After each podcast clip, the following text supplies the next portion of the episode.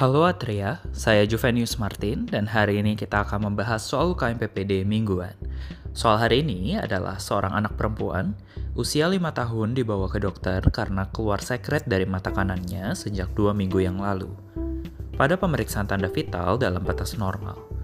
Pada pemeriksaan fisik ditemukan sekret mukoid dan folikel pada konjungtiva tarsalis superior OD. Pemeriksaan slit lamp menunjukkan folikel pada konjungtiva limbus OD. Kornea OD terlihat buram dan terdapat neovaskularisasi pada arah jam 12. Ditemukan pula limfadenopati preauricula kanan. Apakah diagnosis yang paling mungkin pada kasus ini? A. Konjungtivitis adenovirus B. Konjungtivitis herpes simplex C. Konjungtivitis hemoragik akut D. Konjungtivitis gonore dan E konjungtivitis chlamydia. Saya akan memberikan teman-teman waktu beberapa detik untuk menjawab pertanyaan ini. Jawaban yang paling tepat adalah E. Konjungtivitis chlamydia.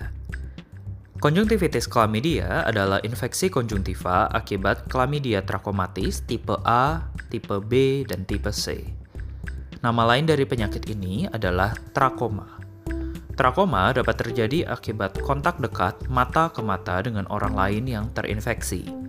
Transmisi juga dapat terjadi secara tidak langsung, misalnya dengan sharing handuk mandi. Trakoma paling banyak menyerang anak kecil dan prevalensi penyakit ini menurun seiring dengan meningkatnya usia.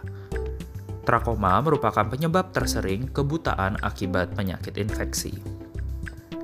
Trakoma dimulai dengan infeksi pada epitel konjungtiva yang memicu munculnya respon imun yang bermanifestasi sebagai folikel konjungtiva. Infeksi yang berulang atau rekuren akan menyebabkan terjadinya fibrosis, entropion cicatrix, serta trichiasis.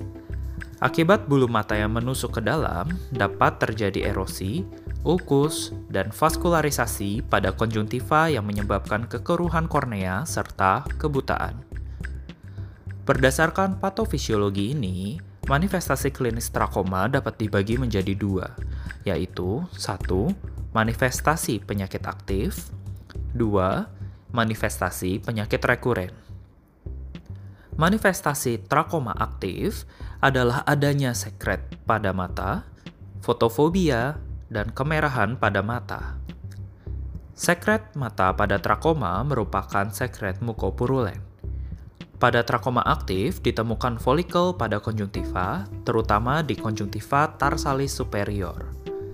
Bila terletak di perbatasan dengan kornea, folikel ini dapat membentuk lesi depresif yang disebut sebagai Herbert Spitz. Herbert Spitz merupakan manifestasi patognomonik untuk trakoma. Selain itu, trakoma aktif juga dapat ditandai dengan hipertrofi papil mata. Manifestasi trakoma rekuren adalah jaringan parut pada konjungtiva yang ditandai dengan garis-garis putih pada konjungtiva. Jaringan parut ini dapat menyebabkan entropion cicatrix dan trichiasis, yang menyebabkan bulu mata tertarik ke dalam dan dapat menggores kornea dan konjungtiva. Akibat iritasi kornea berulang, dapat terjadi neovaskularisasi kornea dan kornea menjadi keruh. Bila vaskularisasi ini terjadi di kornea bagian atas, dapat terjadi infiltrasi seluler yang disebut sebagai panus kornea. Trakoma merupakan diagnosis klinis. Pemeriksaan penunjang terbaik pada kasus trakoma adalah Nucleic Acid Amplification Test atau PCR. Pemeriksaan penunjang lainnya dapat berupa pewarnaan GIMSA, pemeriksaan direct fluorescent antibodies, dan ELISA. Pemeriksaan histopatologi pada konjungtiva akan menunjukkan infiltrat difus, sel inflamasi, dan folikel limfoid pada stroma konjungtiva. Tata laksana trakoma telah dirangkum oleh WHO dengan singkatan SAFE atau SAFE. S merupakan singkatan untuk surgery, di mana pembedahan harus dilakukan pada pasien dengan entropion dan trichiasis untuk mencegah terjadinya kebutaan. A merupakan singkatan untuk antibiotik. Antibiotik yang disarankan juga berhuruf depan A, yaitu azithromycin 20 mg per kilogram berat badan single dose. Antibiotik alternatif yang dapat diberikan adalah azithromycin topikal 1,5% dua kali sehari selama 3 hari atau tetracycline topikal 1% dua kali sehari selama 6 minggu. Namun, karena durasi yang sangat panjang, biasanya pasien sulit taat pada regimen pengobatan tetrasiklin topikal. Singkatan ketiga adalah F, facial cleanliness, di mana pasien diminta untuk menjaga kebersihan mukanya dengan mencuci muka menggunakan sabun. E adalah environmental changes, WHO menganjurkan pendekatan epidemiologis untuk meningkatkan kebersihan di lingkungan di mana terdapat kasus trakoma. Mari kita lihat pilihan jawaban lainnya. A. Konjungtivitis adenovirus. Adenovirus merupakan penyebab konjungtivitis viral tersering.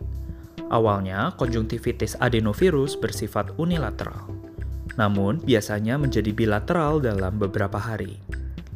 Ciri dominan pada konjungtivitis adenovirus adalah lakrimasi, sekret serosa, dan ditemukannya folikel pada pemeriksaan fisik. Namun, konjungtivitis ini tidak akan menyebabkan kekeruhan kornea dan neovaskularisasi kornea, sehingga pilihan jawaban ini tidak tepat. B. Konjungtivitis herpes simplex. Konjungtivitis ini paling sering disebabkan oleh HSV tipe 1. Sekret pada kasus ini bersifat serosa, disertai dengan folikel pada konjungtiva. Biasanya pada konjungtivitis herpes simplex, sering ditemukan vesikel pada mata dan wajah. Bila melibatkan kornea, herpes simplex akan menyebabkan keratitis dendritik, bukan kekeruhan kornea maupun neovaskularisasi. Sehingga pilihan jawaban ini tidak tepat. C konjungtivitis hemoragik akut. Ciri utama konjungtivitis tipe ini adalah perdarahan subkonjungtiva. Keadaan ini tidak ditemukan pada kasus. Selain itu, konjungtivitis tipe ini bersifat bilateral dan disertai dengan kemosis atau edema konjungtiva. D. Konjungtivitis gonore. Konjungtivitis jenis ini paling sering ditemukan pada neonatus dan orang dewasa yang aktif secara seksual. Gejala konjungtivitis ini adalah sekret purulen yang lengket dan bersifat bilateral. Pada kasus konjungtivitis gonore tidak ditemukan neovaskularisasi kornea. Untuk merangkum, trakoma merupakan konjungtivitis yang disebabkan oleh Chlamydia trachomatis dan merupakan penyebab kebutaan tersering akibat infeksi. Trakoma aktif ditandai dengan sekret mukopurulen, folikel konjungtiva, dan Herbert Spitz. Trakoma rekuren ditandai dengan jaringan parut yang dapat menyebabkan entropion, trekiasis, ulkus kornea, dan kebutaan. Terapi farmakologis utama pada trakoma adalah azithromycin, dan dapat dilakukan pembedahan pada kasus trikiasis maupun entropion. Terima kasih telah bergabung bersama Atriacast minggu ini. Kami tunggu teman-teman pada episode Atriacast berikutnya.